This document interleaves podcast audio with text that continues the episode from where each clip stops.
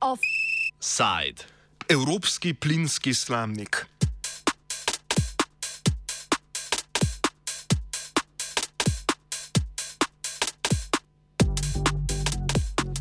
Ministrice držav članic Evropske unije so po večmesečnih pogajanjih v ponedeljek sklenile dogovor o tako imenovani plinski kapici.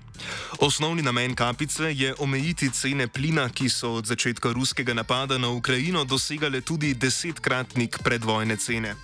Poprečna cena plina na nizozemski borzi TTF je pred napadom vrsto let znašala 20 evrov na megavatno uro. 25. augusta je dosegla višek s 311 evri na megavatno uro. Istega leta lani je bil terminski posel za megavatno uro plina vreden 45 evrov. Včeraj je cena znašala 108 evrov. V svetu Evropske unije za transport, telekomunikacije in energijo so se dogovorile, da mejo za sprožitev kapice postavijo pri 180 evrih na megavatno uro plina. Dogovor bo v Evropskem uradnem listu objavljen 1. februarja prihodnje leto, v veljavo pa bo stopil dva tedna pozneje.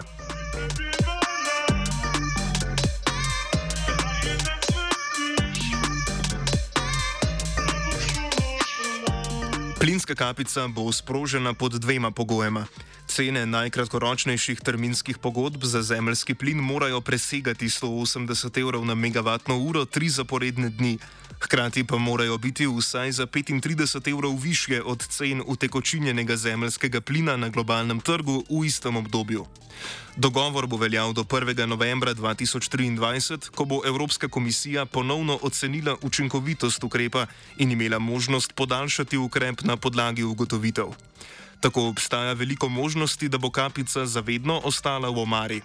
Po besedah državne sekretarke na Ministrstvu za infrastrukturo Tine Sršen je prav to njen čar. To je ta uh, čar tega, no, da tako rečem. Uh, mi smo dali pač s tem jasno vedeti, uh, koliko smo še pripravljeni plačati za plin. Ne? Evropa pač je popolnoma uvozna odvisna, to je dejstvo, domače proizvodne ima zelo malo.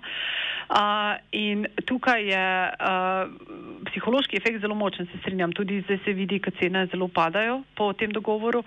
Um, namreč uh, super bo, če ne bo prišlo do sprožitve te kapice. Uh, to pomeni, da so cene spremljive in bistveno niže, kot pa so bile avgusta, septembra, da uh, tudi so ta kapica zdaj postavljena bistveno niže, kot je bil os osnovni predlog Evropske komisije na 275 evrov na megavatno uro, naj spomnim. Uh, tako da, če ne bo prišlo do sprožitve tega, super, če pa bo prišlo, bo pa to en maksimum, ki ga je evropsko gospodarstvo pač pripravljeno plačati za to. Vodja sektorja za trženje v podjetju Energetika Ljubljana Jan Zakrajšek pa pravi, da so cene plina že pred dogovorom nekoliko popustile, tako kapica trenutno ni relevantna. Se pa, tako Zakrajšek, pojavi vprašanje oskrbe in ponudbe na trgu, če bo cena dosegla kapico. V tem trenutku so cene zemljskega plina nekoliko popustile in so na veleprodajnih trgih znašajo okrog 100 evrov megavatna ura, 110 evrov megavatna ura kar pomeni, da so kar precej pod to kapico, tako da trenutno na to nimajo vplive. Je pa to neka varovalka, da ukoliko bi cene prekomerno zrasle, da se, da se na nivoju kapice potem ta cena ustavne. Je pa po drugi strani treba upoštevati še, še eno, na kar pa nimamo trenutno odgovora, je pa to, kakšna bo ponudba plina pri tej kapici, ker vemo, da določeni ponudniki lahko ta plin potem plasirajo mogoče na neke druge trge in obstaja dvom, da bo razpoložljivost ponudbe iz tega naslova potem manjša. Ne?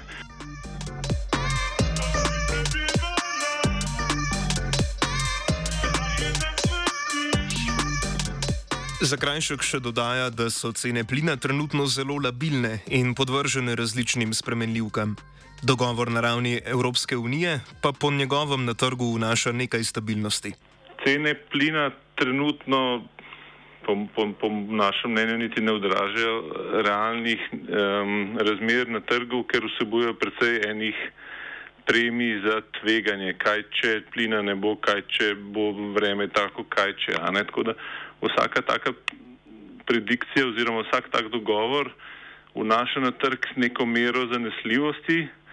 Zdaj, um, glede na to, da je pa ta kapica relativno visoko do, določena, pa bi težko rekel, da je imela prav konkreten vpliv na, na, na, na trg. No. Kapica bo veljala za enomesečne, trimesečne in enoletne terminske pogodbe za plin. Veljala bo za vse plinske borze v Evropski uniji, a se bo pri vseh upoštevala cena nizozemske borze Title Transfer Facility, krajše TTF. TTF so kot referenčno borzo izbrali zaradi ključne vloge pri oblikovanju cen plina na veleprodajnem trgu Evropske unije. Ostale borze se bodo v mehanizem vključile šele konec marca. Končni dogovor glede ostalih borz citira Sršen. Ostale borze bodo vključene od 31. marca naprej, razen v primeru, da bosta ESMA in ACER ugotovila, da bi taka vključitev imela negativen vpliv. Je končni dogovor. Dogovor pa ne velja za tako imenovani spot market oziroma za promptne trge, ki se jih podjetja prav tako v določeni meri poslužujejo za dobavo. Na spot marketu namreč kupijo potreben plin, ki ga nimajo zagotovljenega po dolgoročnejših pogodbah. Zakrajšek pojasnjuje, kako veliko vlogo igra plin kupljen na ta način. Zdaj, na trgu je veliko različnih akterjev, nekateri so zgolj trgovci, ki preprodajajo plin, kupujejo, ga prenašajo na, na druga področja. Nekateri, tako kot energetika Ljubljana, pa kupujemo plin za potrebe končnih odjemalcev. Zdaj, poraba končnih odjemalcev je v veliki meri odvisna tudi od vremenskih razmer, pa recimo tudi od eh, teh vrčevalnih ukrepov, tako da en del, en del teh količin vsekakor je v zraku ali pa je neznanka do, do, eh, do dobave dan, za dano naprej in na teh kratkoročnih trgih običajno puščamo odprto vem, od nič do nekih 20% portfelja recimo. Ne. Do ideje plinske kapice je bilo sprva kritičnih več držav članic. Kompromisni predlog so na zadnje podprle skoraj vse, glasovanja sta se vzdržali Nizozemska in Avstrija, proti pa je že skoraj tradicionalno glasovala Mačarska. Predlogu na začetku ni bila naklonjena niti Nemčija, a ga je na zadnje podprla. Glavni protiargument teh držav in hkrati pomislek Evropske komisije je bil, da, kap, da bi kapica lahko ogrozila preskrbo s plinom. Slovenija se je za kapico vse skozi zauzemala, stališča pri pogajanjih pojasni državna sekretarka Sršen. Slovenija si je prvi vrsti pač prizadevala, seveda, že v osnovi, da do tega pride, ne? ker je bilo pač dva taborja, sta bila primarno torej države, ki so želele to kapico, države, ki je niso želele. Torej, mi smo bili v skupini tistih držav, ki smo več mesecev pozivali, da je to nujno, da naredimo, da ta mehanizem oblikujemo. Tudi na pobudo našega predsednika vlade je bilo 18. oktobra v sklepe Evropskega sveta pripeljana eh, neka usmeritev politična, da se to o tem ministri za energijo morajo dogovoriti. Uh, tako da drugo, kar je bilo nam pomembno, je, da velja za vse produkte, za celo leto naprej, ne samo za to, kar je bil osnovni predlog komisije za en mesec naprej. Uh, tretje, kar smo si pa seveda prizadevali, pa za čim nižjo ne, tole, um, nivo, ta, ta menik, kdaj se ta kapica, da temu tako rečem, no, ta mehanizem sproži. In uh, s tem, kar je bilo pač doseženo na pogajanjih, smo lahko uh, kar zadovoljni, saj smo praktično dosegli, izpolnili vse naša, uh, naše zahteve s tem. Dogovorjen mehanizem vključuje tudi pogoje, pod katerimi plinska kapica preneha veljati. Do tega pride, če se cena utekočinjenega zemljskega plina spusti pod mejo kapice, to je 180 evrov na megavatno uro, če Evropska komisija razglasi izredne razmere, če pride do povečane porabe plina, če se skrči trgovanje na TTF ali pa če na četrtletni ravni pride do zmanjšanja uvoza plina. Po besedah Sršen te varovalke odgovarjajo na pomisleke držav članic glede zanesljivosti oskrbe s plinom. Ti, ti pogoji, ki vodijo do avtomatične izključitve, so zelo omejeni, so zelo strogi in so, in so, in, in so argument, bili ustrezno argumentirani no? in so tudi prepoznani strani večine držav članic kot ustrezni. To ni, da bi bil pač da bi ustrezal samo eni državi članici, drugi pa ne.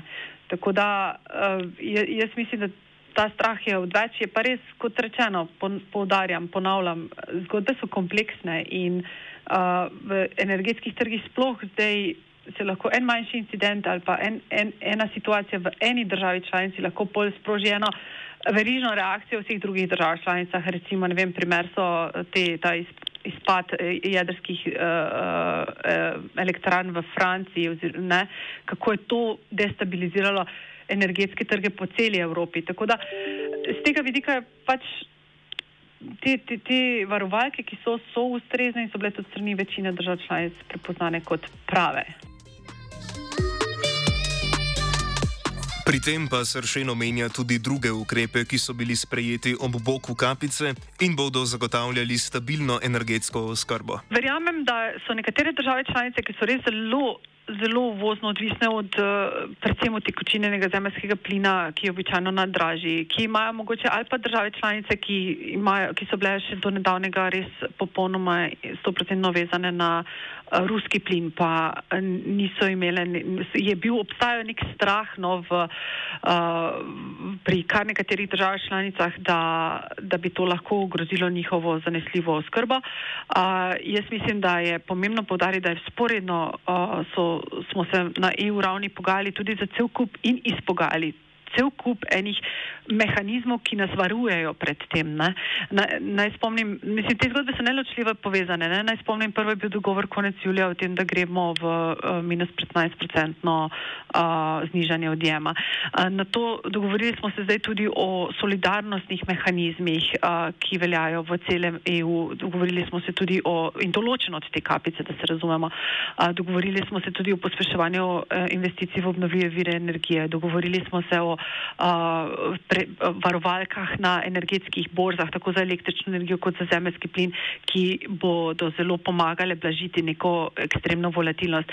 In vsi ti ukrepi skupaj, to gre pač za en mozaik ukrepov, uh, prispevajo tudi k zanesljivosti oskrbe uh, držav članic, vseh takšnih ali drugačnih, tako, tako da ni samo en instrument ali pa ena odločitev tista, ki ne gre za paleto in eno kompleksno uh, povezano zgodbo.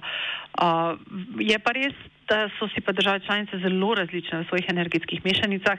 Ene bistveno bolj slonijo na zemljskem plinu, uh, tako pri ogrevanju kot pri uh, toploti, ene bistveno manj. Uh, tako da to je pač, ne, to je ta čar raznolikosti in na koncu moraš skleniti en kompromis, ki varuje obe strani ali pa paleto razno, raznolikosti, no, da tako rečem. Na Evropski komisiji sicer povdarjajo, da pri uvedbi plinske kapice ne gre za regulacijo trga, ampak zgolj urgenten odziv na ekscesno visoke cene na globalnih trgih. Kljub temu, da je ukrep zgolj začasen, pa je komisija z njim vendarle posredno priznala, da zanašanje na trg pri oskrbi z energijo vseeno ni smiselno.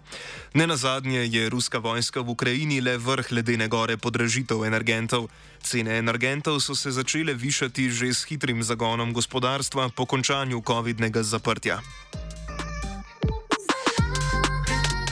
Offside je pripravil Blaž. Oh.